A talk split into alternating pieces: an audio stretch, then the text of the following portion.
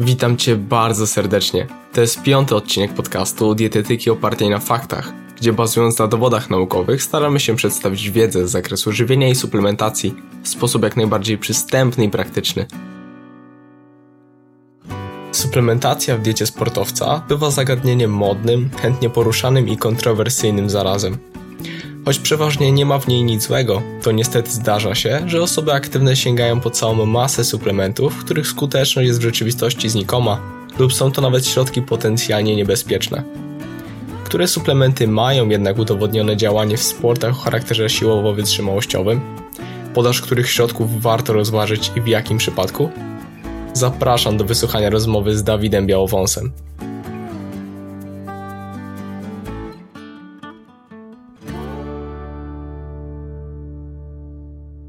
Cześć, witaj Dawid. E, cześć, dziękuję za zaproszenie. Przedstaw się proszę słuchaczom. Cześć, nazywam się Dawid. E, dobra, nazywam się Dawid Białowąs. E, no co, jestem na dzień dzisiejszy doktorantem Akademii Wychowania Fizycznego i Sportu w zakładzie fizjologii. To jest mój zespół, zakład fizjologii w Katedrze Nauk Przyrodniczych WFIS Gdańsk. Mhm tym się zajmuję troszeczkę teraz bardziej, e, dlatego troszkę, a prowadzę bloga Barbel Kitchen, może, może z tego jestem bardziej znany, tak, Współ, współprowadzę razem z moją żoną, prowadzimy bloga Barbel Kitchen e, i z tego chyba jestem troszeczkę bardziej znany, mm, aczkolwiek teraz się skupiam troszeczkę właśnie na pracy takiej naukowej, e, przez co niestety troszeczkę zaniedbuję bloga. Mamy też gabinet dietetyczny, współpracujemy z, mnóstwo, z mnóstwem klientów, klientami tylko i wyłącznie aktywnymi fizycznie. Nie tam sportowcami zawodowymi. No, oczywiście tacy też są e, i takich uwielbiam, e, ale myślę, że 90% stanowią ludzie po prostu, którzy coś robią, tak? Uważam, że stratą czasu jest troszkę praca z ludźmi, którzy nie chcą robić lub nic nie robią. Mm, więc taki po prostu też z punktu widzenia finansowego możemy sobie odpuścić, prawda, że mogę sobie w pewnym swym sensie wybierać klientów i nie współpracować z ludźmi, którzy nie chcą się ruszyć z tyłka. Mhm. Także na co dzień zajmuję się wieloma rzeczami, jak widzisz. E, jeszcze prowadzę jedną grupkę judo e, dzieciaczków, e, bo jestem judoką, myślę, że paręnaście lat byłem judoką zawodowym. Walczyłem trochę w lidze austriackiej, jeździłem po świecie, w Japonii spędziłem ze 4 miesiące, trenowałem w, najmniej, naj, w najcięższym, najbardziej wtedy znanym i najmocniejszym klubie judo w Japonii przez trzy miesiące, szkoła życia. E, nie wiem, nie, nie wiem w ogóle w, w, na czym się w tym momencie skupić, bo pytałeś jak się nazywam, e, a ci powiem tu już e, całe historię swojego życia. No myślę, że mm. tutaj jeszcze warto dodać, że prowadzisz swój własny podcast, mm, co chcę tutaj podkreślić, o sporcie, zdrowiu i o diecie. Mm, pod nazwą Barbell Kitchen. Ja zamieszczę w notatkach do tego odcinka linki do e, Twojego podcastu i sam zdecydowanie polecam mm, i uważam, że warto słuchać materiałów e, Twojego autorstwa. Dziękuję, miło mi. Tak na, na pewno jak ludzie zaczęli słuchać tych, tych podcastów, bo ja zacząłem chyba w, publikować z 5 lat no, temu i widzę już nawet po, Powiem Ci, nawet nie, nie odświeżałem tych po przejściu na, na inną platformę, na, na WordPressa, nie odświeżałem już tych pierwszych podcastów, bo nie wydają mi się hmm, trzymać pewnego poziomu, poziomu, wiesz, jakby dzisiejszego, mhm. też wiedzy merytorycznej i tak dalej. No ale było to na pewno jakaś, e, była to na pewno jakaś nowość w tamtych czasach. Mm, super. Dobry, tematem dzisiejszego podcastu będzie tak naprawdę suplementacja w sportach siłowych. E, I może zacznę od takiego ogólnego pytania, a później będziemy rozwijać mm, to bardziej szczegółowo. Więc powiedz proszę, Dawid, mm, tak naprawdę, co warto suplementować w sportach siłowych? Jak to mówi e, mój profesor, powiedz mi, e, znajdź mi, znajdź mi rzecz, znajdź mi system, e, na który nie wpływa witamina D3. Mhm. Także wydaje mi się, że takich sposob na pewno witamina D3 jest, jest, jest podstawą suplementacji e, i to powinien każdy suplementować. Jeśli chodzi o sport siłowo-wytrzymałościowo, bo na pewno masz e, na myśli tutaj regogeniki, czyli związki pracotwórcze. E, tak mi się wydaje, próbuję odgadnąć mhm. troszeczkę twoje pytanie. Tak. Mm, tak, też pracuję właśnie ze studentami, wykładam dietetykę sportową na prywatnej uczelni i też próbuję często odgadnąć właśnie pytania studentów. e, więc jeśli chodzi o, o to, co warto suplementować. Hmm. Powiem Ci, że ostatnio minimalizuję w ogóle suplementację i na pewno każdemu klientowi wciskam kreatynę. Próbuję, próbuję wcisnąć kreatynę, bo jest to związek, który jest bardzo dobrze udokumentowany, bardzo tani. Mhm. E, uważam, że mogę go z czystym właściwie każdej osobie, a im jesteśmy starsi, tym w większych ilościach. Eee, testosteron? A nie, czekaj, to nie ten podcast. Eee, wiesz co, kreatyna na pewno będzie tą podstawą. Mm, nad resztą związków często się zastanawiam na przykład e, z zawodnikami. Już im bardziej jesteś, im bardziej jesteś człowiekiem startującym w zawodach, e, a nie tylko po prostu ćwiczącym, żeby dobrze wyglądać nago, no to już mówimy o związkach troszeczkę bardziej może w, dyskusyjnych, aczkolwiek również działających. I tutaj można byłoby wymienić e, do zawodów, do, do e, sportów takich siłowo-wytrzymałościowych e, buforujący czy mm, kofeinę, tak? Betalinę, kofeina, kreatyna. Często stosuję też białko serwatkowe, tylko powiem Ci, ostatnio właśnie wymieniłem, wy, zmieniłem strategię suplementacji białka serwatkowego. Widzę, że coraz częściej stosuję je w redukcjach, a coraz rzadziej stosuję białko serwatkowe e, w dietach na masę. A dlaczego? Wiesz co, bo w, i tak w dietach na masę, czy w dietach właśnie takich sportowców e, zawodowych, czy sportowców e, jedzących duże ilości, i tak ilość białka takiego pokarmowego, zwykłego jest tak duża, że nie widzę sensu dorzucania tego mhm. białka serwatkowego. Czyli tutaj można byłoby, nie wiem czy to czy, czy z Bartkiem Pomorskim, czy z kimkolwiek omawiałeś tematy białka i wpływu białka na hipertrofię mięśniową, to widzimy, że powyżej pewnych wartości ona już dalej nie buduje masy mięśniowej. Tak? Mhm. Tak? Oczywiście, gdybyśmy chcieli cytować tutaj badania pana Jose Antonio, profesora Jose Antonio z Kalifornii, mm, no to można było wyciągnąć wnioski, że im więcej, tym lepiej. Tak? To jest taka strona bardzo pragmatyczna tej osoby. Każdy, kto zna pana Jose Antonio, to, e, to wie, że jego badania opierają się o 2,5, 3,5, a nawet 4,4 grama na kilogram masy ciała i prowadził takie badania przez pół roku do roku, prawda, na osobach ćwiczących siłowo. Co się okazało, że w większości wypadków e, spadła masa, e, spadła tkanka tłuszczowa osobom, mimo nadwyżki kalorycznej. No ciągle teraz pytanie jest, jak nadwyżka kaloryczna, więc dodatni bilans kaloryczny, spadła tkanka tłuszczowa, wzrosła tkanka mięśniowa jakoś moim zdaniem też wciąż są to badania, e, w których e, przez rok czasu nie trzymasz gości w laboratorium, tylko dajesz im pewne rozpiski i w momencie jak pijesz 10 koktajli, shake, e, koktajli białkowych dziennie, mniej więcej tak to wygląda, to niestety jesz troszeczkę mniej innych produktów, mhm. po prostu ci się nie chce zjeść tego obiadu, nie chce ci się zjeść warzyw. Więc w związku z tym wyliczony czy zamierzony bilans kaloryczny moim zdaniem nie do końca się zgadza. No to jest jakaś tam moja krytyka, być może nie doczytałem czegoś dokładnie.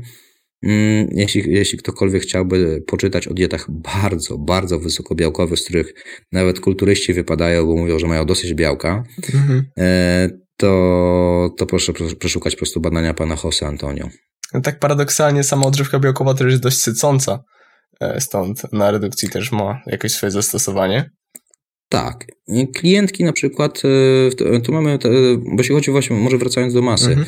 E, przy masie mięśniowej i dużej ilości kalorii, to zobacz, że samych kalorii, samych ilości jedzenia tego białka się moment 2 gramy białka na kilogram masy ciała i dorzucanie tam jeszcze szejka, jakby w jakim celu? Wiesz, jakby, znaczy nawet samej konstrukcji jadłospisu, kiedy wiesz, piszemy te jadłospisy ciągle e, i masz trening wieczorny, co nie? Pijesz szejka, w przeciągu godziny jesz kolację, w którym jest dodatkowa porcja 40-45 gram białka, czyli co, jesz w przeciągu godziny, półtorej 70 gram białka? Mhm. Po jaką cholerę? Jakby nie, nie, nie, nie skleja mi się to, e, więc jeśli ktoś chce, Okej, okay, można więcej, mówiąc pragmatycznie, tak jak, tak jak pisze pan e, profesor Antonio, e, oszczędzają troszeczkę pieniądze lub e, czy, czy, czy bardziej, nie wiem, nie chcę powiedzieć rozsądniej, bo tutaj to jest też kwestia jakby subiektywna, mm, no powiedzmy oszczędniej, trzymają się tego słowa oszczędności.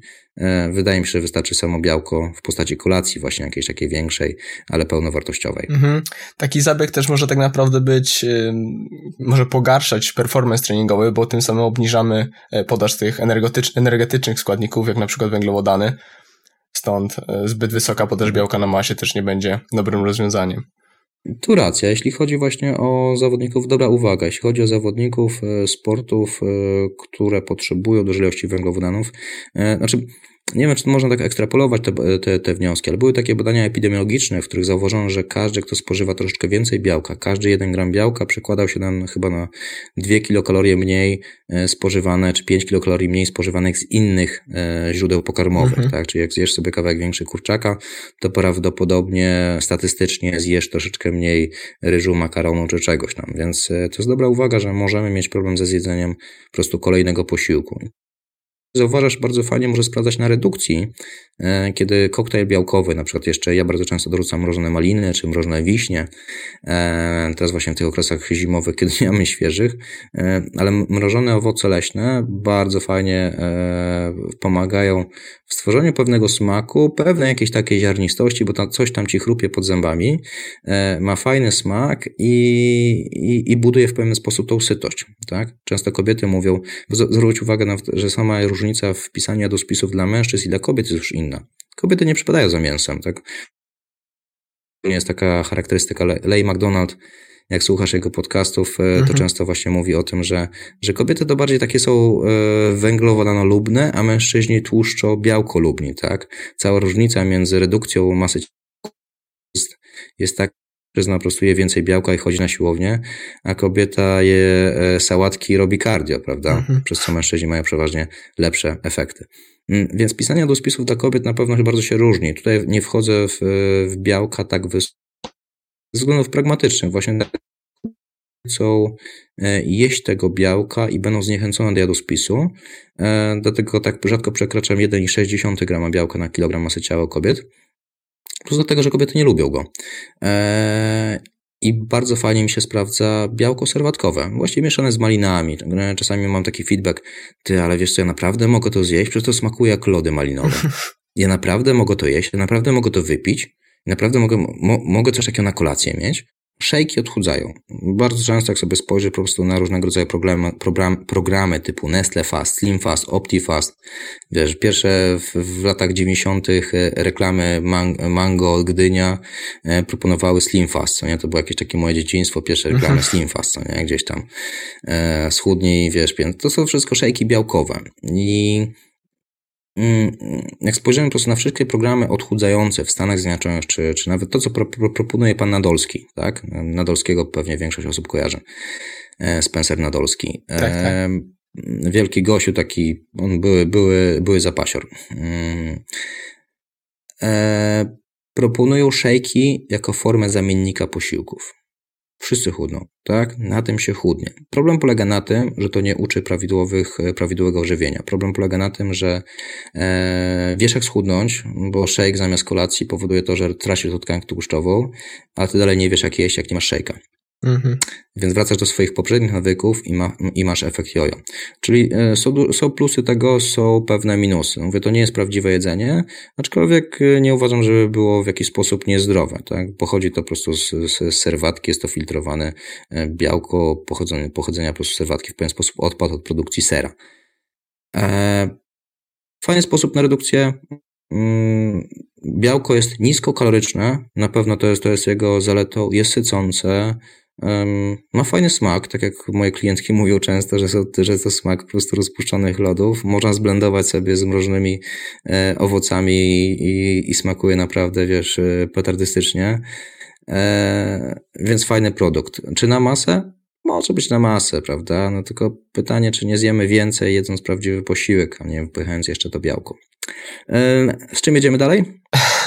Na samym wstępie wspomniałeś o witaminie D. Stąd może, czy mógłbyś rozwinąć temat suplementacji witaminą D mm, w kontekście stricte sportów o charakterze siłowo-wytrzymałościowym? Trzymam się troszeczkę zaleceń. Mhm. Jeśli nie mam badań, e, jeśli nie mam badań e, poziomu 25 HD3 w, w surowicy krwi, to trzymam się zaleceń, czyli tych 2000 jednostek e, na e, międzynarodowych, w, w, w międzynarodowych tak, IU.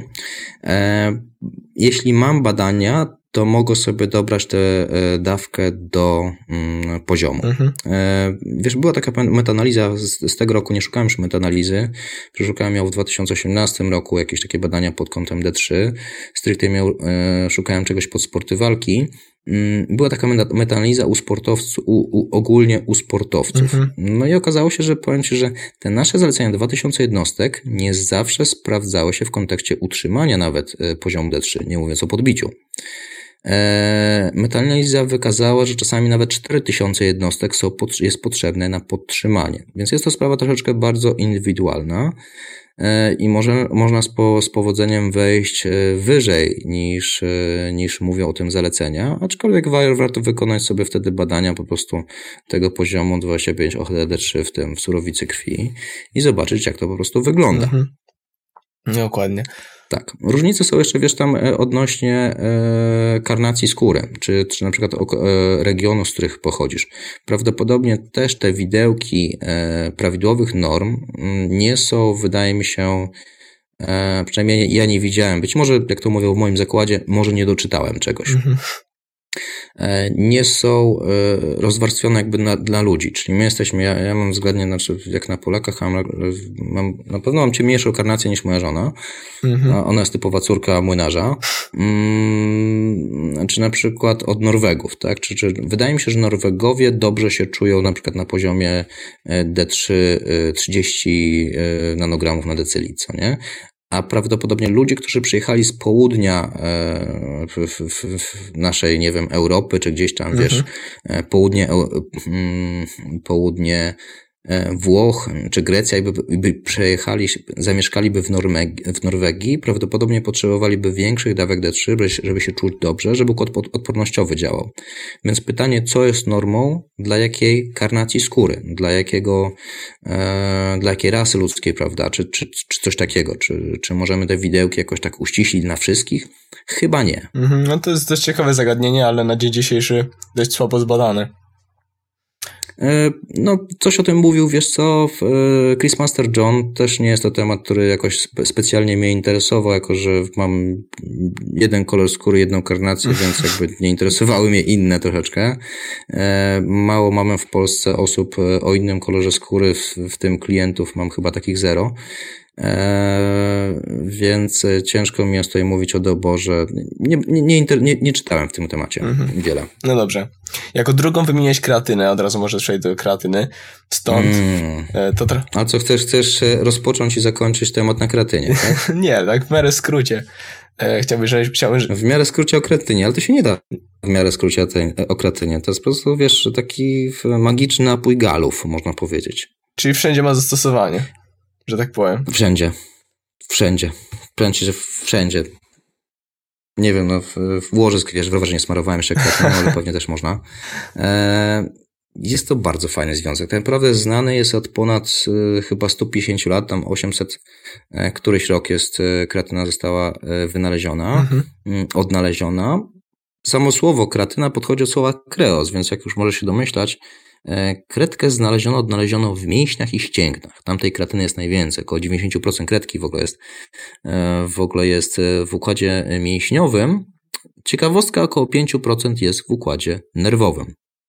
Im jesteśmy starsi, tym tej kreatyny jest troszeczkę mniej, więc e, cała właściwie suplementacja kreatyny, tak samo być może jak i białka serwatkowego, właściwie powinna się skupiać troszkę na osobach starszych. Mhm. To jest w ogóle, w ogóle ciekawostka, co nie? Że jak jesteśmy starsi, tym e, być może gorzej trawimy, być może gorzej coś przyswajamy, być może mniej dbamy o siebie, być może coś, coś nie funkcjonuje już prawidłowo, w związku z tym e, produkty wyżej przetworzone powinny się należeć bardziej osobom starszym. I tutaj kreatyna jest chyba bezkonkurencyjna, no oprócz wspomnianego testosteronu, mhm.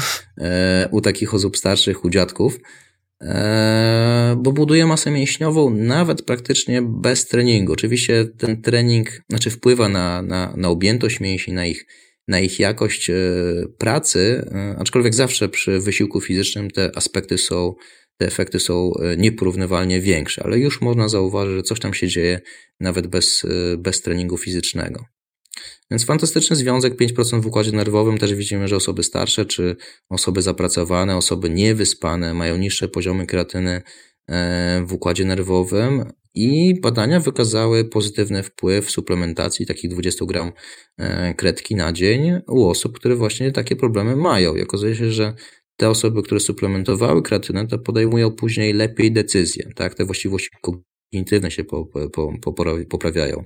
Natomiast ciekawy aspekt, bo my właśnie w moim zakładzie badamy właściwości kognitywne, że właściwie mówimy o pewnych modalnościach e, w kontekście aktywności fizycznej. Tak? Akurat w, mój profesor biada, bada neurotrofinę. To jest taki ciekawy, to jest takie ciekawe biał, białko, które jest wytwarzane mm, w hipokampie mm, i odpowiada za plastyczność naszego mózgu. Okazuje się, że też mięśnie obwodowe też wytwarzają neurotrofiny, właśnie ten e, BDNF, który może przechodzić przez barierę krew, mózg, co no to taka ciekawa konkluzja, że trening fizyczny może budować właściwości plastyczne mózgu, -hmm. tak, bo wytwarza białko, które jest wytwarzane w, e, w, w hipokampie.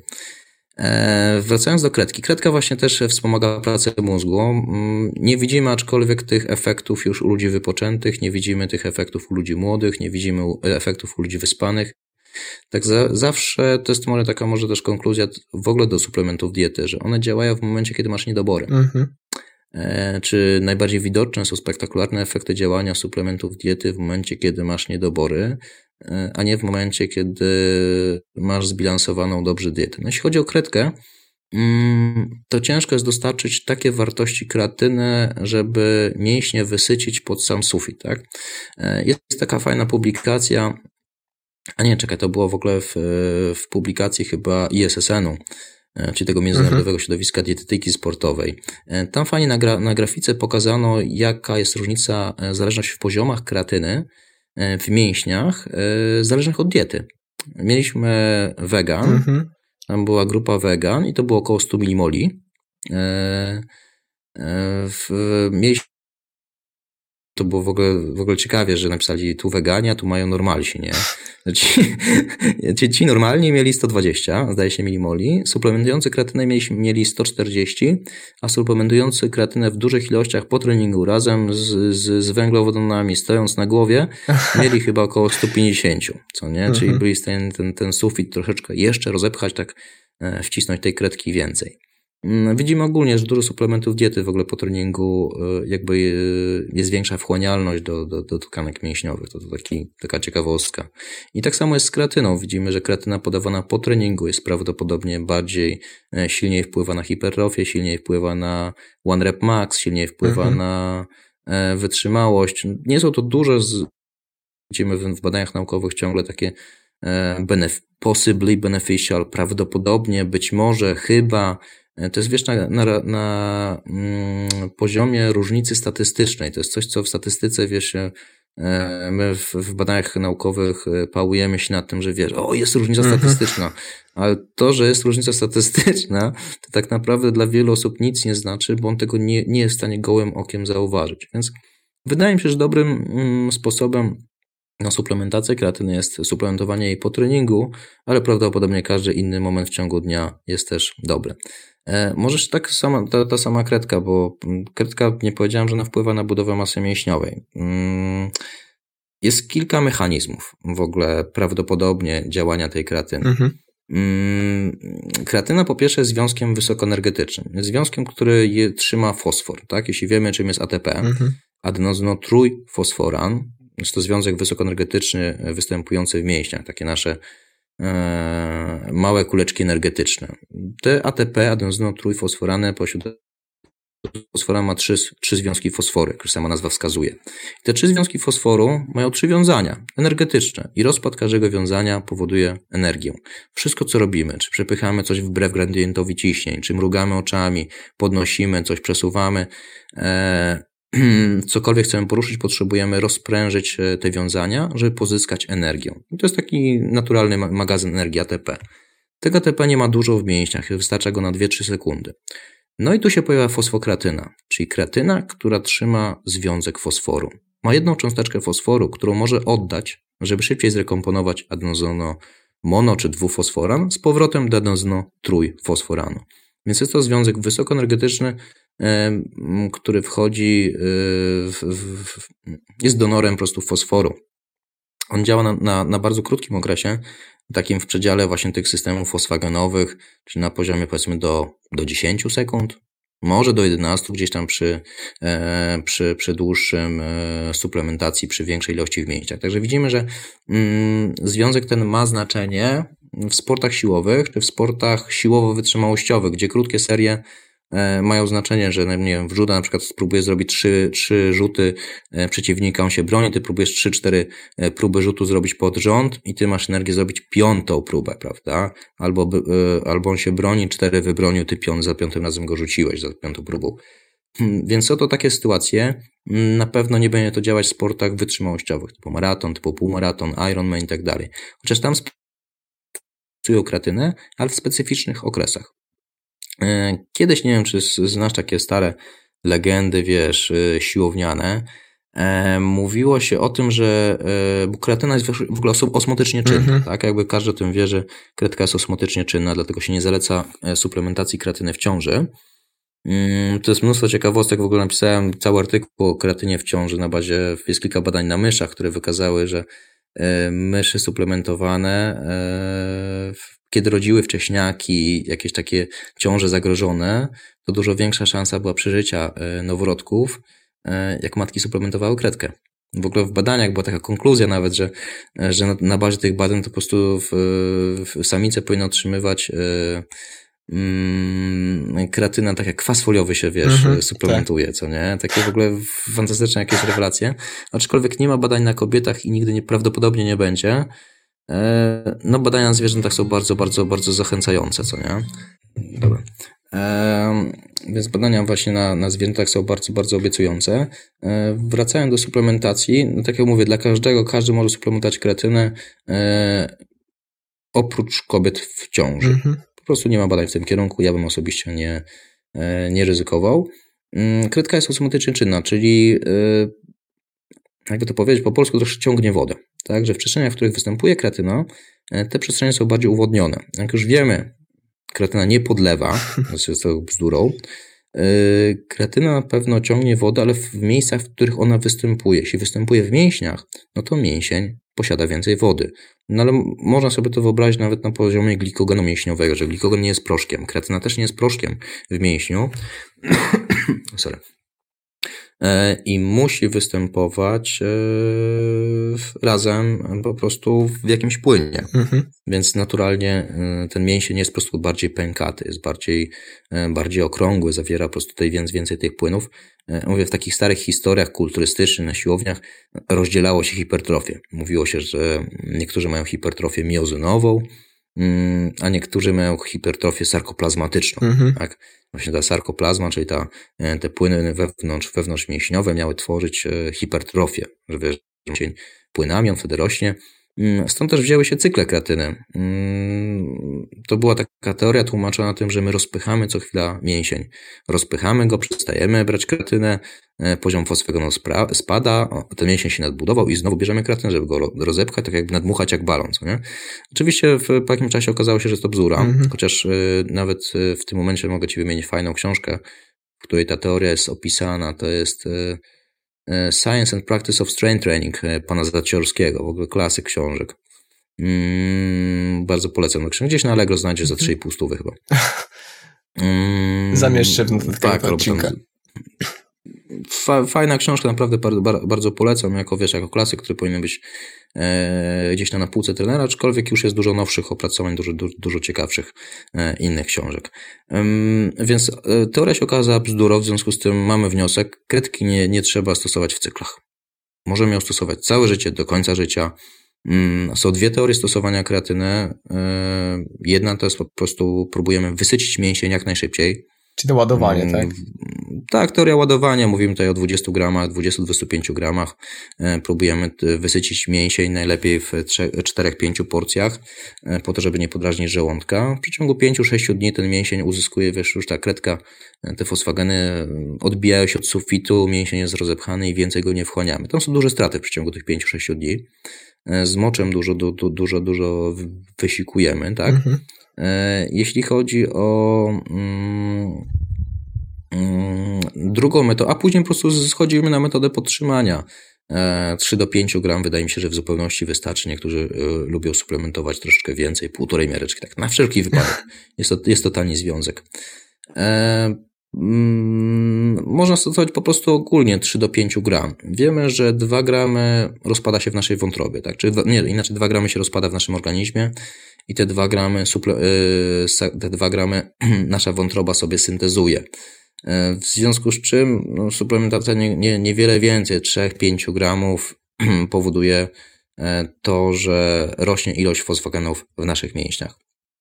Ciekawy związek na pewno, tak jak mówiłem, jego wpływ na hipertrofię mięśniową jest niepodważalny, aczkolwiek mechanizm jest nie do, nie, nie do końca poznany, bo na przykład, tak jak mówiłem, że wpływa na uwodnienie mięśnia, tak, okej, okay, masa mięśniowa zacznie się wzrastać, E, i mało jest sposobów na zmierzenie obwodu mięśnia, czy zeskanowanie mięśnia i sprawdzenie, ile tam jest, e, czy wzrosła ilość masy tych miofibryli, czy wzrosła ilość masy mięśnia razem z, z tymi wszystkimi płynami, z tą sarkoplazmą, prawda? Mhm. Czy tak jak zjesz więcej, zjesz więcej węglowodanów, to też mięsień wzrasta ze względu na objętość glikogenu mięśniowego. To tak samo jest podobnie z kreatyną. Mm, widzimy, że ma wpływ na ilość komórek satelitowych. Komórek satelitowych, satelitarnych, nigdy nie mogę spamiętać, satellite cells, satellite cells po angielsku, mhm. tak? Mm, ma na to wpływ. Teraz pytanie, czy w kontekście najnowszych doniesień e, Science and e, Science, e, nie wiem, czy subskrybujesz, czy, czy przeglądasz magazyn Strength and Conditioning. To jest taki, taki topowy, klaso, klasyczny magazyn Strength and Conditioning magazyn. Kojarzę, ale nie przeglądam, także... No to, to jest taki powiedzmy mhm. klasyk, bardzo, bardzo dobry jeśli chodzi o, mm, o literaturę naukową i, i budowanie no, sporty, sporty sportowe. Mhm. I SNSN, e, który każdy zna, nie jest najlepszym magazynem. Jakby to nie jest taki, wiesz, taki klasyk, który profesorowie mówią, o, tam warto publikować. Nie. Strength and Conditioning to jest właśnie taki magazyn, w którym każdy chciałby E, coś opublikować. E, tak, no to tam właśnie ta hipertrofia mięśniowa związana z ilością komórek satelitowych już jest mocno podważana. Pytanie, czy one w ogóle są gdzieś tam potrzebne, czy one właśnie budują te mięśnie, czy, czy wzmożona ilość komórek satelitowych jest taka potrzebna, bo widzimy, że najwięcej jest ich w początkowych okresach budowania siły, E, a w tych początkowych okresach masz najmniejsze przyrosty. Dopiero w momencie, kiedy e, już przyzwyczaiłeś się do treningu, gdy nie ma już tych domsów po każdym, wiesz, podniesieniu handla, mhm. E, to dopiero widzimy wzrosty objętości mięśnia, więc obecnie krytykowana jest troszkę, jest dużo krytykowanych teorii z lat powiedzmy 90., 2000, tego czego ja się jeszcze uczyłem na AWF-ie. Mm, no kreatyna wpływa na ilość komórek satelitarnych, więc wpływa powiedzmy sobie na regenerację mięśnia, tak? E, Kredka też podbija ci bilans azotowy. E, co Tarnopolski bardzo mocno podkreśla, że zawsze kretynę się porównywało do, mm, do węglowodanów. Czyli jednej grupie dajesz kredkę, każesz ćwiczyć na siłowni, a drugiej grupie dajesz węglowodany i każesz ćwiczyć na siłowni. No dobrze, ale kreatyna też podbija bilans azotowy.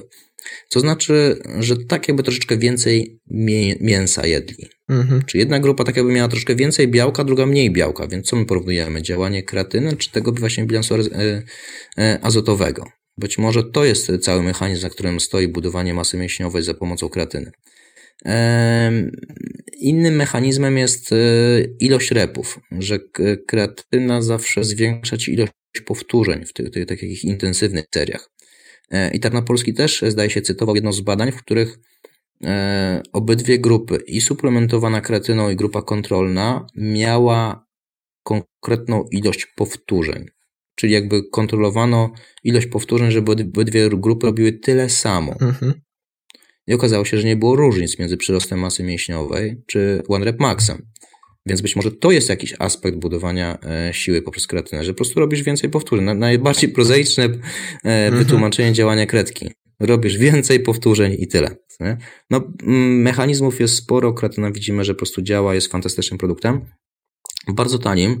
E, polecam wszystkich, wszystkim monohydrat. E, no właśnie, jeżeli chodzi o formę, to czy warto inwestować w jakieś inne oprócz monohydratu? Wiesz to chyba nie warto, aczkolwiek wiesz, pracując z klientami, e, nie wykłócam się z nimi. To znaczy, nie próbuję klientowi udowadniać, e, znaczy próbuję zaimponować wiedzą, i próbuje zmusić go do zaufania sobie, aczkolwiek nigdy nie próbuje klientowi powiedzieć, że głupio wybrał, albo że powinien coś wyrzucić, prawda? Mhm. Zawsze próbuje znaleźć e, jakieś miejsce dla, dla danego suplementu diety, e, które on już ma, na które wydał pieniądze, żeby nie poczuł się w jakiś sposób urażony, oszukany. To jest po prostu jakaś, wiesz, moja indywidualna praca z klientem, mhm. E, szacunek do, do klienta, też jego pieniędzy, które też mi płaci i chciałby, żeby po prostu ja bym gdzieś mu to e, ulokował w coś, co, co, co, na co on już wydał pieniądze. Nawet głupio, wiesz, aminokwasu zgałęzione BCA. Mhm. E, dużo klientów przychodzi i już je ma, ma tak. nową puszkę i co, mówisz mu, że wyrzuć to, jesteś głupi? Nie, to jest twój klient, wiesz, i, i z szacunkiem podchodząc do niego, próbujesz to gdzieś tam upchnąć. Mhm. E, na przykład przed treningiem, czy w trakcie treningu, treningu gdzieś tam dowody e, i najwyżej po prostu pod koniec miesiąca mówię, że słuchaj, jak ci się to skończyło, to spróbujmy e, tutaj może wrzucić izotonik, e, to sobie zaoszczędzisz, raczej publikacje naukowe, czy e, nie, nie, nie widzą zastosowania akurat w tym, w, w tej sytuacji, w której masz zbilansowaną dietę, odpowiedniej ilości białka, E, a tu może zaoszczędzimy to i na przykład weźmiemy tam jakiś inny suplement zamiast tego. Mhm. Przeważnie są zadowoleni i przeważnie rozumieją e, o co mi chodzi, co nie? Ale nigdy, nigdy tego nie podkreślam, wiesz, tak mocno, że weź tego nie bo jesteś głupi czy coś tam, co nie? Tak nie można, po prostu z klientem. Może rada, może dla osób, które piszą diety. Okej, okay, no to myślę, że udało nam się zmieścić w podcaście tą kreatynę i zamknąć ten temat. Wiesz co, ja myślę, że w połowie kreatyny nie no jestem, dobra. także jak chcesz, to może... Może przejdźmy do następnego myślę, tematu. Przejdźmy do następnego tematu. Do beta-alaniny, eee... jeżeli chodzi o jej zastosowanie w sportach siłowo-wytrzymałościowych. Betalanina. Mm, betalanina w przeciwieństwie do kredki, ona mm, nie zwiększa masy mięśniowej, aczkolwiek działa bardzo, po, bardzo podobnie. Żeby sam mechanizm działania jest taki, że zwiększa ilość powtórzeń w obrębie warunków kwasomaklowych, czyli warunków takich beztlenowych. Ciągle mówimy o warunkach beztlenowych, czyli sytuacja, w której zawodnik ma zadyszkę. Produkuje się, jeśli masz zadyszkę, to znaczy, że produkuje się kwas mlekowy, mm -hmm. tak, mhm. że wchodzi w warunki beztlenowe. Tam głównym metabolizmem e, palenia jest na pewno glukoza, no bo tłuszcze nie fermentują. Nie ma jeszcze, nikt jeszcze nie stworzył alkoholu na, na, na tłuszczach. E, fermentuje glukoza. Mm, w związku z tym ona jest jedynym szlakiem metabolicznym w warunkach już tej zadyszki. E, więc produkcja kwasu mlekowego występuje właśnie w tych warunkach. Mm, I sam kwas mlekowy wpływa negatywnie na ilość powtórzeń. My to odczuwamy jako bolesność e, mięśniowa. samo stężenie jonów wodorowych, mm, czyli właśnie pochodnych tego, powstałych z rozpadu kwasu mlekowego na, na jon wodorowy powoduje zatrzymanie pewnych szlaków metabolicznych w mięśniu i zatrzymanie się jego kurczenia. Mm, stężenie jonów wodorowych, mm, tak jak mówimy, od czego jest skrót pH? E, power of hydrogen, tak? czyli moc wodoru. W mhm. tym wypadku ilość e, właśnie tych jonów wodorów w komórce mięśniowej musi być albo buforowana, albo usuwana. I beta-alanina, znana wszystkim ze swędzenia, tak? niektórzy mówią taki swędzioszek czy coś takiego, kiedyś kierowcy daliśmy, jak jechaliśmy z zawodów e, właśnie w betalinę, jak nas klął, po prostu mówił, że tego, tego swędzioszka więcej nie weźmie.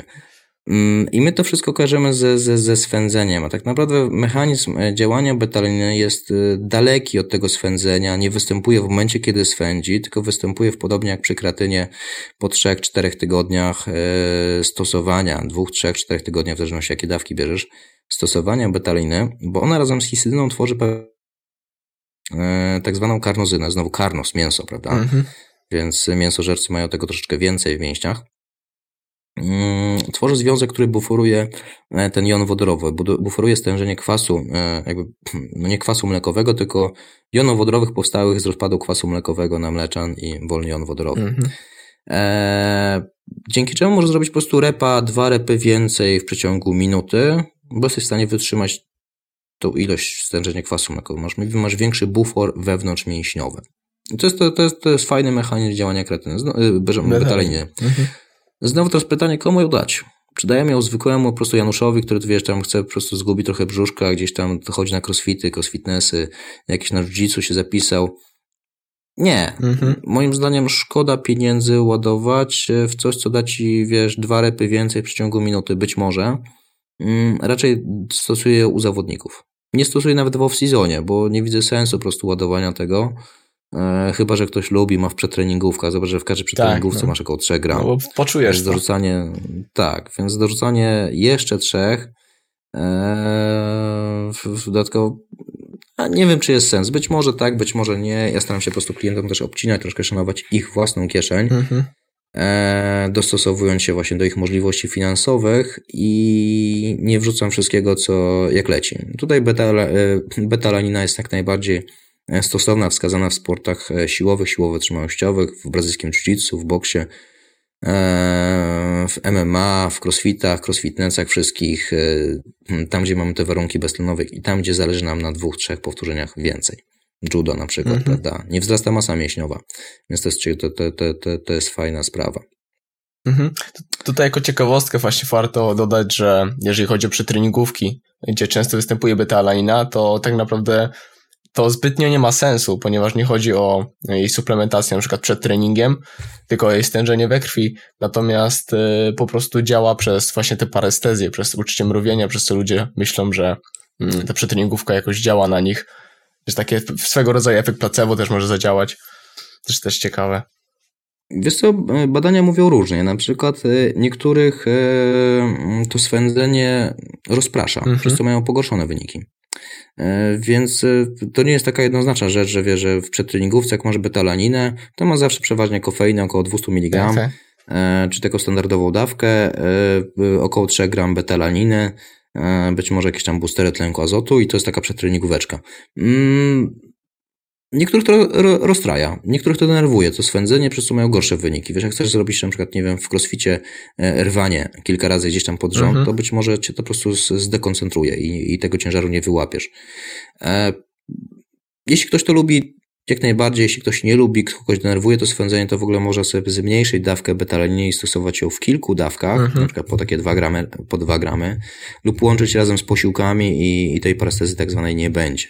E, natomiast e, wydolność będzie rosła, dlatego że będzie rosłe, rosło stężenie e, karnozyny w mięśniach. To też wiesz, nie jest takie mm, jednoznaczne, bo my chcielibyśmy wszyscy wiedzieć, że mam więcej karnozyny, to więcej robię repów, ale czasami są inne systemy, ograniczające cię e, w zrobieniu tych repów, czy siła, czy na przykład technika, e, czy na przykład jakaś taka, nie wiem, moc tlenowa, czy coś innego, mhm. E, że czasami ludzie mają wzrost stężenia na przykład karnozyny, ale nie poprawiają rekordów. Co nie? Bo jeśli moglibyśmy poprawić rekord, nie wiem, dorzucek, dorzucek betalaniny, nie wiem, Phelpsowi, on popłynie pół sekundy szybciej. Nie, nie popłynie pół sekundy szybciej. Prawdopodobnie nie popłynie pół sekundy szybciej.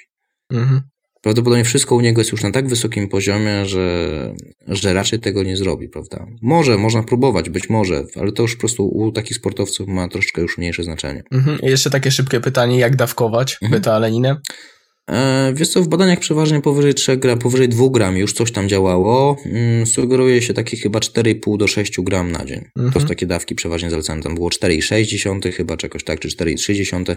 Jakaś taka dziwna dawka wynikająca chyba mm, z suplementu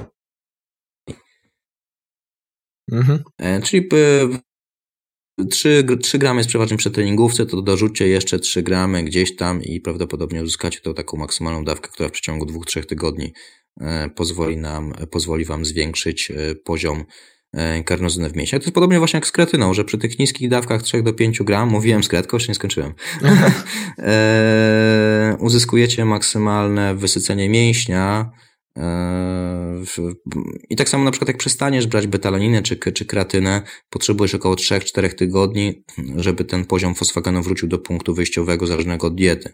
To może taka uwaga dla sportowców czy sportów wytrzymałościowych, e, którzy w okresie zimy wykorzystują na przykład kredkę do budowania masy mięśniowej, a później chcąc powrócić do swojej masy ciała, czyli żeby ten kilogram im spadł z tej, z tej wody mięśniowej, z tej objętości mięśnia przed startem, no to mogą przestać suplementować kredkę i, i w przeciągu 3-4 tygodni uzyskają swoją poprzednią masę ciała pomnożo- e, powiększoną o to, co sobie wyrobili miesięcznym treningiem siły na przykład. Mhm.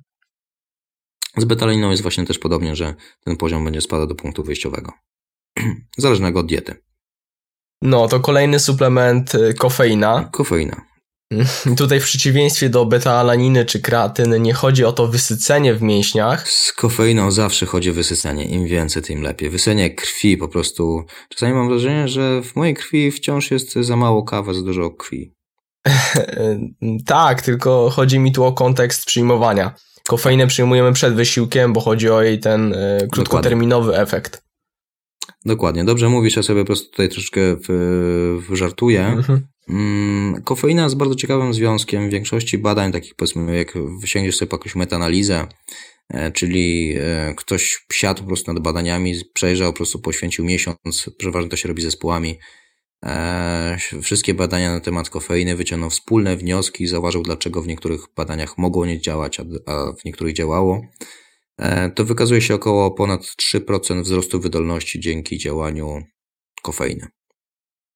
3% wydolności to już powiem Ci już, już, już całkiem sporo. To jest, faj, to jest faj, fajna dawka, fajna, fajna różnica. Mhm. Oczywiście, tak jak, tak, tak jak nam się, tak jak się mówi, e, nie działa to na każdego. tak jak masz, e, my ciągle mówimy, to działa, tam to działa. Ja nie mogę tego powiedzieć na przykład w gabinecie, bo stoi przede mną nie średnia statystyczna, tylko konkretny klient. Mhm.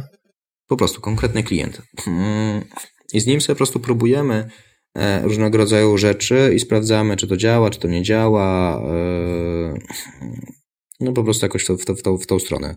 Stoi przed tobą klient, na którego może nie działać. E, I nieraz miałem sytuacje, w których po prostu odpuszczaliśmy sobie pewne związki, bo, bo nie było tego sensu. Mm, o taki aspekt na temat mówię, ciągle będziemy tutaj chyba kredki wracali, nieszczęsnej, nieszczęsnej, mojej ulubionej. E, e, argument za tym, żeby kupować monohydrat, żeby nie kupować związków jakichś tam mieszanych. E, mój klient kupił e, e, pomieszane z tauryną, mhm. bo był w promocji. A treningi ma wieczorem. O. I nie może zasnąć. Mhm. Tak, tak? Więc warto czasami się trzymać naprawdę prostych, prostych związków, dogadać sobie związki ergogeniczne, na przykład kofeina. Dużo osób pracuje, hmm, trenuje wieczorami i dorzucenie tutaj kofeiny bardzo mocno, wiesz, wieczorem e, może skutkować pogarszeniem się snu, jakości snu. Nawet jeśli możesz zasnąć, to badania pokazują, że jakość snu jest gorsza. Mhm. Więc nie stosujemy tej. tej Czyli ile godzin maksymalnie, maksymalnie przed snem? Można przyjąć. Wiesz co, to jest, to jest mocno zależne od, e, od każdego człowieka, mhm. od metabolizmu i konkretnych genów.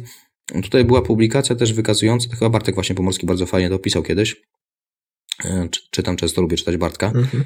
E, w, mm, obydw obydwaj też jesteśmy fanem brazylijskiego jiu jakbyś nie, nie, nie no, wiedział. No, wiem właśnie. Na, na macie ostatnio e, spotkaliśmy, chociaż zdjęcie było takie niewyjściowe, byliśmy spoceni wiesz, i, i nie wrzuciliśmy w końcu.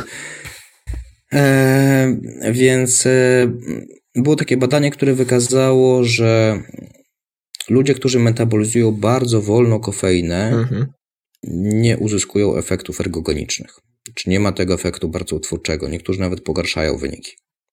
Te osoby nie powinny stosować e, kofeiny. E, to jest znowu zasada zawsze, że sprawdzamy wszystko na treningach. Zawsze główna zasada suplementów diety sprawdzaj na treningach, czy sprawdzaj wszystkie strategie na treningach. To jest podstawowa zasada każdego sportowca, który cokolwiek ma w głowie. Wszystko sprawdzasz na treningach, a nie nową technikę, nową strategię czy nową żywność na zawody. Mhm. To jest, wiesz, jak ludzie żele kupują sobie i pierwszy raz żele tak. w trakcie maratonu. Największy błąd w życiu, a później lecą do to i toja tak. zamiast wiesz do mety. Tak samo jest z kofeiną. Może mhm. ci pogarszyć wynik. Mm, prawdopodobnie większości ludzi poprawi wynik, ale co jeśli jesteś tym jeden na, nie wiem, na 20 czy jeden na 30, którym właśnie ten wynik pogorszy no to robi sobie strzał w kolano. E, dawki ergogeniczne, może to średnia dla większości populacji to jest 3 do 6 mg na kilogram masy ciała. Mhm. Czyli możemy sobie to już popatrzeć, że, że to jest całkiem dość dużo, prawda? Powyżej tych 6 mg na kilogram masy ciała często powoduje e, rozdrażnienie, trzęsienie się rąk, e, są takie efekty, nie wiem, przeważnie nie polepszające wyników, czasami pogarszające wyniki, poniżej 3 mg na kilogram masy ciała często jest to zbyt mała dawka, żeby, żeby zadziałała. Więc e, kofeina, no mówię, można próbować i próbujemy, to, to próbujemy właśnie tej dawki takiej, takiej średniej, zalecanej między 3 a 6 mg. W jednej kapsułce jest około 200 mg, przeważnie, mhm. jak mam kofeinę bezwodną. No bo to pijesz tak, albo dwa duże kubki kawy. No właśnie, czy lepiej kawa, czarnej. lepiej kawa, czy tabletka? Eee, wiesz co, zdaje się doktor Andro, mm, czyli Adel Musa, mm, Niemiec, który prowadzi Subversity. Mhm, tak. Eee, fizyk, który Adel Musa, fizyk niemiecki, który prowadzi, doktor fizyki, który prowadzi portal o dietetyce mieszka, i mieszka chyba w Stanach teraz, czy, tak, nie wiem, to, jest strasznie zakręcone, bo w ogóle nie wiem, czy wyszedł doktorem fizyki.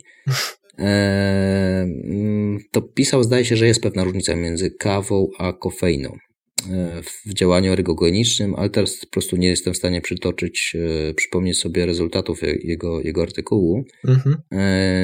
Ona jest tam różnica. Musiałbym sobie naprawdę to, to pogrzebać, jeśli ktoś by chciał przejrzeć sobie subversity artykuły kofeina, kofein and coffee. No poszukam i zamieszczę notatkach do odcinka, jakby też był mm, ciekawy. Tak. Mm, ciekawostką jest to na pewno, że kofeina bezwodna, czyli ta w kapsułkach, działa nawet jak pijesz kawę. Czyli jest na tyle silna, to jest, wiesz, w kapsułce jest przeważnie 200 mg. Zależy czy producent, wiesz, trafił, czy nie, bo też mhm. badania pokazały. Ech. Na rynku amerykańskim to się wahał chyba od 120 do 300 mg nawet, więc raz cię może tak kopnąć, że wiesz, że, że spadnie z krzesła, a raz możesz po prostu tego w ogóle nie poczuć. Aha. A dalej bierzesz, wiesz, kapsułki z tego samego opakowania. No to jest domena suplementów diety, tak. więc znowu nie jestem fanem suplementów diety. Nawet witaminę D3 biorę w postaci leku, a nie suplementu diety. Mhm, ja też. Eee, tak, no, czyli ma, mając pewną wiedzę już, już widzisz jak, jak, jak, jak, jak jakie decyzje podejmujesz. Mm, kofeina, no albo dwa duże kubki kawy i masz te 200 mg, e, czy 4 espresso słabsze, jakieś tam 3-4 espresso, 3 espresso mocniejsze być może Mm, i masz około 200 mg, w zależności od tego, jakie espresso. Tam my Polacy lubimy takie bardziej delikatne, tak, samą arabikę kupujemy, Włosi no znowu jak walą, e, to walą dużo robusty, żeby ta krema była mocna i tam na pewno jest e, tej kofeiny dużo więcej, pewnie może nawet o 80 mg w jednym espresso. Mhm. E, więc już widzimy, że są to 3-4 espresso e, do 5 na przykład i to jest dawka ta początkowa ergogeniczna. Czyli może lepiej łyknąć jedną kapsułkę niż pić cztery. Mm -hmm. no. Jak ktoś lubi kawę, to tak. może po prostu walnąć mm, cztery espresso, dwa duże kubki kawy, e, polecić trzy razy siku jeszcze. Lub właśnie jedną, jedną pigułkę kofeiny. E, tak jak mówiliśmy w przetreningówkach jeszcze jest tego około 200 mg. Od tego bym zaczął. Później szedłbym do 400, do 400 mg, próbował z tym. Mhm. Zawsze na treningu E, co jeszcze o kofeinie? Mm, różnica między kawą a kofeiną, pamiętam, była taka, że kofeina, że kawa wydłuża nam życie. Ogólnie kawa ma dużo antyoksydantów, e, osłania nam telomery, jakby. Czytałem to badanie, natomiast dosyć sceptycznie do niego podszedłem. Nie pamiętam dlaczego. Za to, kofei, za to kofeina w pigułkach skracała telomery. Tak, tak pamiętam to, ale. Tak, była taka publikacja. Wiem, kojarzę, ale chyba to była korelacja jakoś, nie, nie Wiesz pamiętam. Co, wydaje mi się, że zawsze ciągle w, my próbujemy, znaczy wydaje mi się, że można poważnie podejść do tego badania, jak sobie pomyśleć, że my próbujemy coś zawsze e, wyekstraktować, co nie? Mhm. Witaminę C z, z, z, owoców i ona będzie działała tak samo jak w owocach. No ale tam mamy całe kompendium e, wszystkich związków, które działają pozytywnie, jakoś multivitamina ci nigdy nie zastąpi, wiesz, tak. owoców i warzyw, prawda? Jakbyśmy tego nie chcieli, XXI wiek, E, a bez owoców i warzyw e, człowiek e, nie czuje się zdrowy. Mhm. No na przykład w owocach znajdziemy też bioflawononidy, które zwiększają przyswajalność witaminy C, przez co te owoce będą na przykład lepszym wyborem. No niemniej, e, na początku już wspomnieliśmy o suplementach aminokwasowych, wspomnieliśmy o odżywkach białkowych. Tak, pokrótce mm. zaczęliśmy o redukcji e, diety i o e, odżywkach. Słuchaj, ale z tych odżywek to możemy wrócić znowu do kretyny. No wiesz? wiem, wiem. ale... Była w ogóle kiedyś taki, mm -hmm. może taka ciekawostka, kiedyś, e, nie wiem czy w dalszym ciągu e, się robi takie rzeczy, ale niektóre firmy oszukiwały e, na białku, mm, bo był taki wzór Kajdala na bilans azotowy. Tak E, i dosypywały po prostu kredki do białka serwatkowego, więc w związku z tym, jak robiłeś bilans azotowy tego białka, to wychodziło ci rzeczywiście, o kurde, 85% tak. w tym, w opakowaniu. Okazywało się, kiedy robimy już profil aminokwasowy, tak jak nie wiem, na przykład tak jak w Hamiltonie robi e, tak. swoich białek, to okazuje się, że mam profil aminokwasowy, o, tam kredka wyszła, co nie? Że ktoś, do, ktoś dosypał. E, tych badań już nie znajdziesz, bo wiesz, jeśli zrobisz jakiejś firmie większej takie badania, coś ci wyjdzie, też dostaniesz pozew. Także kiedyś, takie dawne czasy, pamiętam jeszcze, że na forach się ludzie skrzykiwali.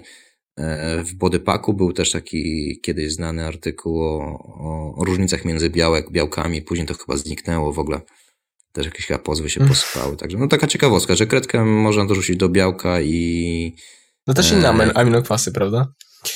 Mm, tak, inne aminokwazy też, ale kreatyna jest dość tanim suplementem Glutamina diety. też jest dość tana na przykład. Tak, no kredka jest po prostu tanim suplementem diety, mhm. łatwo ją, ją, ją dosypać i, i, warto ufać zawsze dużym. Ja, znaczy ja w ogóle ufam dużym firmom, co nie, które mają dużo do stracenia że na, na, na, na chciwości. Tak, też jestem tego zdania. Mm, niemniej, e, wracając do odżywek białkowych, jeżeli chodzi o, bo dość popularnymi... In... Już nie będę nic mówił o kredycie. Okej, okay, okej. Okay. Są na rynku, jest, jest koncentrat, jest izolat, jak się w tym po, połapać. W sensie, jeżeli jesteśmy takimi bywalcami siłowni albo interesujemy się, jesteśmy amatorami e, w sportach sylwetkowych, sport, boże, w sportach sport, e, siłowo-wytrzymałościowych, to czy warto sięgać po te droższe formy odżywki białkowej, typu właśnie izolat? Wydaje mi się, że za dużo czasu spędzamy na nad suplementami diety, za dużo pieniędzy wydajemy na suplement diety, ale nie mamy czasami E, pieniędzy na to, żeby nam jakiś trener rozpisał odpowiedni trening. Mhm. Jak, tak, jak, jak już mówiłem przy, przy kreatynie, o której obiecywałem nie wspominać, e, bic rośnie od ilości powtórzeń, prawdopodobnie. Musisz jeść dużo, czyli mieć dodatni bilans kaloryczny. E, widzimy, że przy głodzeniu się ten starvation mode nie wpływa pozytywnie na hipertrofię. Mm, budowa białek strukturalnych już po trzech dniach deficytu jest wstrzymywana. No nie mieli cały czas chodzi o dodatni bilans azotowy tak naprawdę. Dodatni bilans azotowy, dodatni bilans kaloryczny, no chyba, że masz, wiesz, większy brzuszek, to wtedy no. masz delikatny mhm. deficyt, może też e, być wliczony w to i możesz budować masę mięśniową, wiesz, jeśli masz większy brzuszek. W momencie, kiedy już widzisz mięśnie swoje brzucha e, gdzieś tam w lustrze, to na pewno dodatni bilans y, y, kaloryczny jest wymagany, żeby budować tą masę mięśniową. Skupiłbym się naprawdę na podstawach, na ilości powtórzeń, na odpowiednim treningu, na e, odpowiedniej technice podnoszenia, na zwiększanie objętości treningowej. Suplementy diety są, są rzeczą wygodną. Mhm. Są po prostu wygodne, są smaczne, są tanie. Być może nawet to białko, jakby ktoś sobie przeliczył, to wyszłoby taniej niż kurczak w tym momencie. Eee, więc e, pytanie teraz, ile kurczaka w kurczaku, tak? Czy wołowiny w wołowinie. Mm, no ale wyszłoby być może nawet taniej. Suplement diety może wpływać na tempo syntezy białka mięśniowego, tak? W tej pierwszej fali. Mhm. Na pewno wpływa, bo to widzimy w wielu badaniach. Masz badanie pana Mura z 2009 roku, który wykazał właśnie, że, e, że jest to, że to tempo syntezy białek mięśniowych jest zależne od E, od, od konsumpcji białka i treningu, prawda? Jest to zależne. Jest takie badanie, które wykazało, mm, tak zwane badanie na progu leucynowym, teraz nie pamiętam, e, pan, pan, pan, chyba takie azjatyckie nazwisko, mm, wleciałem teraz w tym momencie z głowy. Wykazało mm, wpływ pozytywny białek szybkostrawnych, pełnowartościowych na temat stymulacji czy wypełnienia Znaczy na temat stymulacji tempa syntezy białka mięśniowego, e, tam akurat był mierzony próg leucynowy. Tu wykazano, że białko serwatkowe jest bezkonkurencyjne. Z drugiej strony, jakiś tydzień temu opisałem dość ciekawe badanie sprzed dwóch lat, w którym próbowano zmierzyć, bo my się skupiamy ciągle na tym oknie metabolicznym, co nie? Że tutaj musisz wypić białko, jak robiłeś klatę, to jeszcze musisz się położyć tak. na, na, do góry nogami, żeby spłynęło do klaty.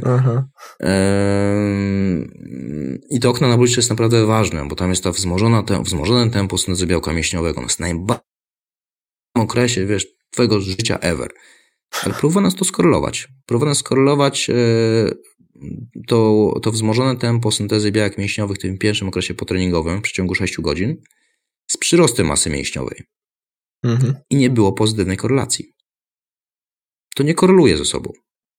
To, że wiesz, że stoisz na głowie, że bierz, pijesz białko serwatkowe e, i tak dalej, i tak dalej, wiesz, tuż po treningu i, i ta synteza białka mięśniowego jest wzmożona, nie przewiduje tego, że będziesz miał największego bica w przeciągu tygodnia, dwóch, czy w tamtym badaniu zdaje się sześciu tygodni.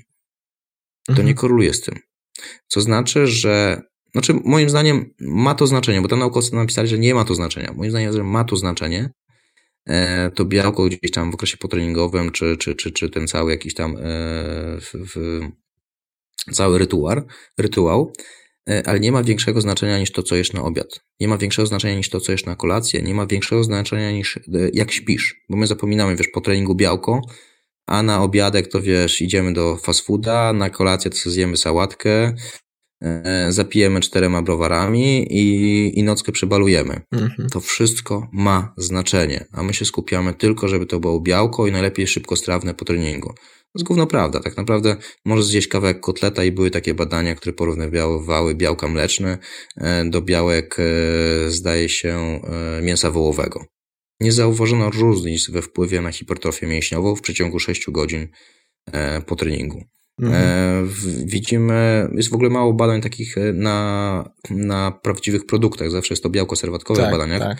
Stąd nam się wydaje, że ono jest takie cudowne, po prostu, no jest smaczne. Ja lubię białko. Nie wyobrażam sobie życia troszkę bez białka serwatkowego, ale czy, czy ono jest konieczne do budowy masy mięśniowej? Nie. Konieczny jest trening. Mhm. Konieczny jest trening, dodatni bilans azotowy i, dodatni bilans kaloryczny e, pod warunkiem, że nie jesteśmy właśnie otyli. Dobry sen, dobra regeneracja, prawda? Mm, także co do białek, warto wydawać. Jeśli masz uczulenie na laktozę, no to możesz pójść e, w izolat. Różnica jest na poziomie 1-2% więcej laktozy. Naprawdę to ci robi? Moim zdaniem Polaków, którzy bardzo dobrze trawią laktozę, bardzo dobrze trawią nabiał, e, rzadko kto mm, powinien mieć problemy z, z, z WPC, czyli z koncentratem białka mhm. serwatkowego. I ta różnica na poziomie 2% laktozy to jest tak, że wiesz, że wypijesz po prostu sobie latę i, i, i goni ci, ale cappuccino po cappuccino nie, tylko po latę dopiero, wiesz. Jakby na, nawet tam jest mniej niż w latę tej laktozy prawdopodobnie. Znaczy być może w zależności od tego, ile bierzesz. Wiem też, że na rynku są e, ogólnie odżywki białkowe, w sensie koncentraty bez laktozy. Niektóre firmy takie oferują. Są WPC bez laktozy? No są. Wiesz, pamiętam jak właśnie współpracowałem z, z większą firmą, e, pokazywali mi e, wynik z Hamiltona, to zdaje się chyba, że było poniżej 3% czy około 2% wiesz w WPC-u, mm-hmm. no. e, około 1% czy poniżej 1% w izolacie. Tylko znowu izolat dla mnie jest mniej smaczny. Jeśli mam pić białko, to dlatego, że lubię je, że jest smaczne, co nie? a nie, że wpycham na się na siłę. Izolat jest mniej smaczny. Na przykład koncentrat, taka może ciekawostka, zawiera 1% laktoferyny. Mhm. To jest teoretycznie białkiem e, uodparniającym troszeczkę, prawda? E, w izolacie już tego nie ma. Ja wiem, no, w, w grę wchodzę, że pamiętam, dyskutowaliśmy sobie niedawno na temat hydrolizatów białka serwatkowego. Mhm. Mm, hydrolizat jest gorzki. Mm, I jeśli są sprzedawane, to albo są to częściowe hydrolizaty, czyli białka, czyli y, połączenia między kwasami są delikatnie rozluźnione, bo sam, sam koncentrat, sam e, hydrolizat białka serwatkowego rzadko kiedy jest dostępny. Jest po prostu gorzki, jest to produkt niedobry, niesmaczny. Miesza się go, w, większość firm miesza go z izolatem i WPC-em. Mhm. Sprzedaje jako e, miks e, po prostu białek razem z hydrolizatem. To jest tak, wiesz, jak aminokwasy wolne. Czyli aminokwasy wolne są sprzedawane o smaku waniliowym lub czekolady belgijskiej. No nie spotkałem Nie. Się. Są sprzedawane zawsze o smaku jakichś owoców egzotycznych, kwaśnych, e, jakichś takich ostrych smaków. Mhm. Tylko, że aminokwasy są gorzkie po prostu, wiesz. Mleka dla dzieci e, w postaci takich hydrolizatów e, dla dzieci z, z, z skazą białkową i tak dalej są po prostu gorzkie. Ludzie, dzie, dzieci nie chcą tego pić. Mhm. Mm, mówię o to, o to nie, niemowlakach, które są czasami skazane właśnie na e, na, na, mm, na mleka z, z proszku ze względu właśnie na, na te e, nietolerancje. Mhm, Więc e, wracając do Twojego pytania, e, czy warto kupować? Ja bym się skupił na WPC-u dobrej firmy. Jeśli chcesz mieć więcej białka w porcji, możesz izolat. Moim zdaniem nie ma to większego znaczenia. Białko jest smaczne, jest to pragmatyczne. Mhm. E, pragmatyczne podejście. Wypij białko po treningu. To jest dobre wyjście. Szczególnie na przykład o poranku. To znowu taki pragmatyzm bijący ze mnie. Eee, patrząc ze swojego życia, kiedy wracam z treningu, wiesz, jakichś crossfitów tam o, o poranku, to często dzwoni księgowa. Po księgowej klient, e, biegnę do, do gabinetu, wiesz, do pracy. I okazuje się, że miałem zjeść śniadanie w domu, a jest godzina 11, jest, jest mu 12 czy 13, 13 e, godzina postu, a ja w międzyczasie w, zrobiłem trening. Czyli lepiej byłoby mi wypić to białko, z którego z czego się nabijałem poleżeć do góry nogami, mhm. E, niż e, nie zrobić nic. To nie jest odpowiednie podejście. To nie jest podejście odpowiednie. Coś takiego. Mhm. Jeszcze tutaj chciałbym dodać, że w kontekście tempa syntezy białek mięśniowych w okresie powysiłkowym ostatnio w styczniu została opublikowana fajna praca przeglądowa Tromelena, jest dość kompleksowa, także mhm. ja też ją zamieszczę do takiego, do takiego odcinka i naprawdę... Tak, on tam dość dużo y, takich y, napisał y, znaków zapytania, że, tak. E, nie wiemy, czy białka, jeśli byśmy badali po prostu białko pokarmowe dłużej, w dłuższym okresie czasu, co nie stymulowałoby tak samo, prawda? Jakie porcje białka pokarmowego stymulują podobnie mm -hmm, do, tak. do białek serwatkowych czy mięśniowych. My się skupiamy po prostu na pewnej, na pewnych enzymach, na pewnych aktywnościach mięśniowych, które jesteśmy w stanie zaobserwować wyciągamy bardzo daleko idące wnioski, że jeśli Dokładnie. pierwsza fala jest potężna syntezy białka mięśniowego, to musi być wielki anabolizm. Mhm. Nie, nie musi być. Dokładnie. Dokładnie. Dobra, myślę, że y, już nie będziemy wracać do kredki. Tak, nie będziemy do kredki. Ja coś tam chciałem powiedzieć, dobra. Poruszyliśmy, e, myślę, że wszystkie te suplementy, które wymieniłeś na początku, wyszłoby już później za długo, jakbyśmy się tam e, rozwijali na te suplementy, które nie mają tak dobrze udokumentowanego ja myślę, że tak, działania. Że w, ludzie mogą być zmęczeni już moim głosem, moimi dowcipami nie, i, nie o to chodzi. powrotami do kreatyny. Po prostu inne suplementy nie mają tak dobrego wsparcia w literaturze, jak te, które wymieniliśmy w tym podcaście. Także mm, myślę, że zakończymy, będziemy kończyć. Przypomnij jeszcze proszę na koniec. Jeszcze o sodzie oczyszczonej mogę opowiadać z, z godzinkę, ale to dobra, dobra. Sodo, sodo sobie odpuścimy na jakiś inny, e, inny czas. Może jeszcze kiedyś przyjdzie okazja.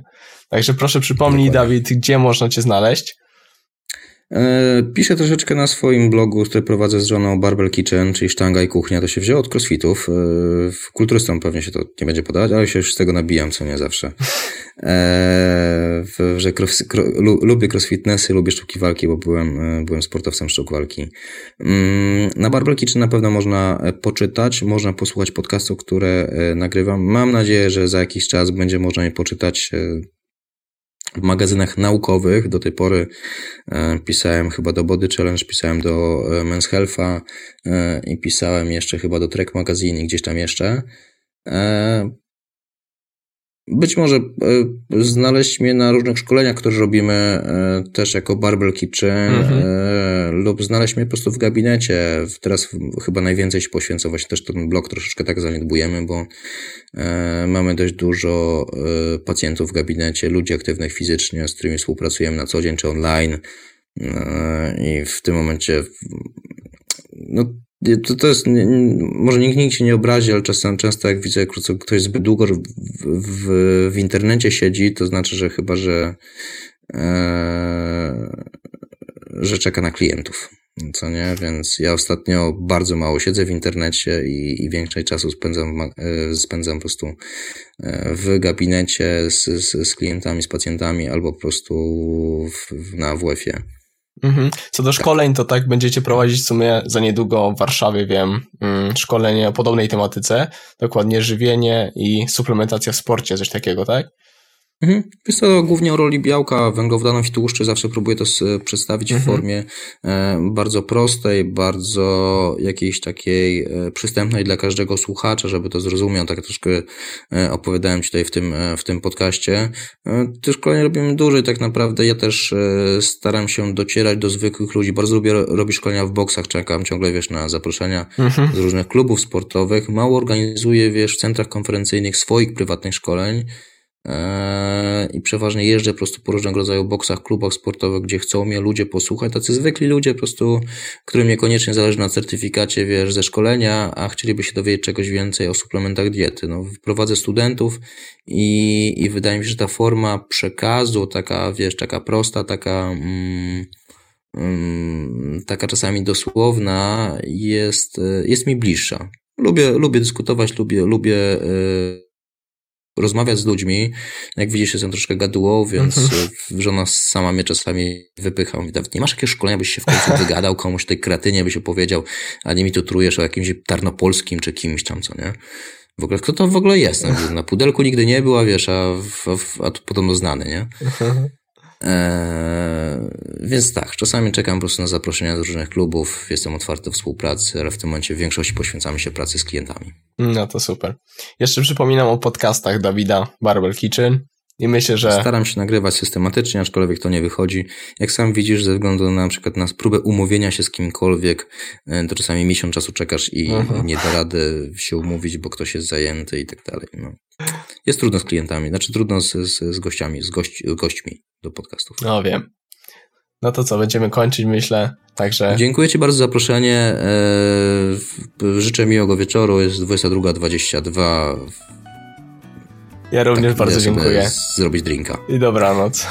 Dobranoc. Dzięki, hej. Bardzo dziękuję Dawid za rozmowę. Przypomnę tylko, że linki do wszystkich publikacji naukowych czy artykułów omawianych w podcaście znajdziesz w notatkach do tego odcinka, a więc pod adresem dietetyka oparta na faktach.pl ukośnik 005. To już tyle ode mnie. Do usłyszenia już niebawem. Hej!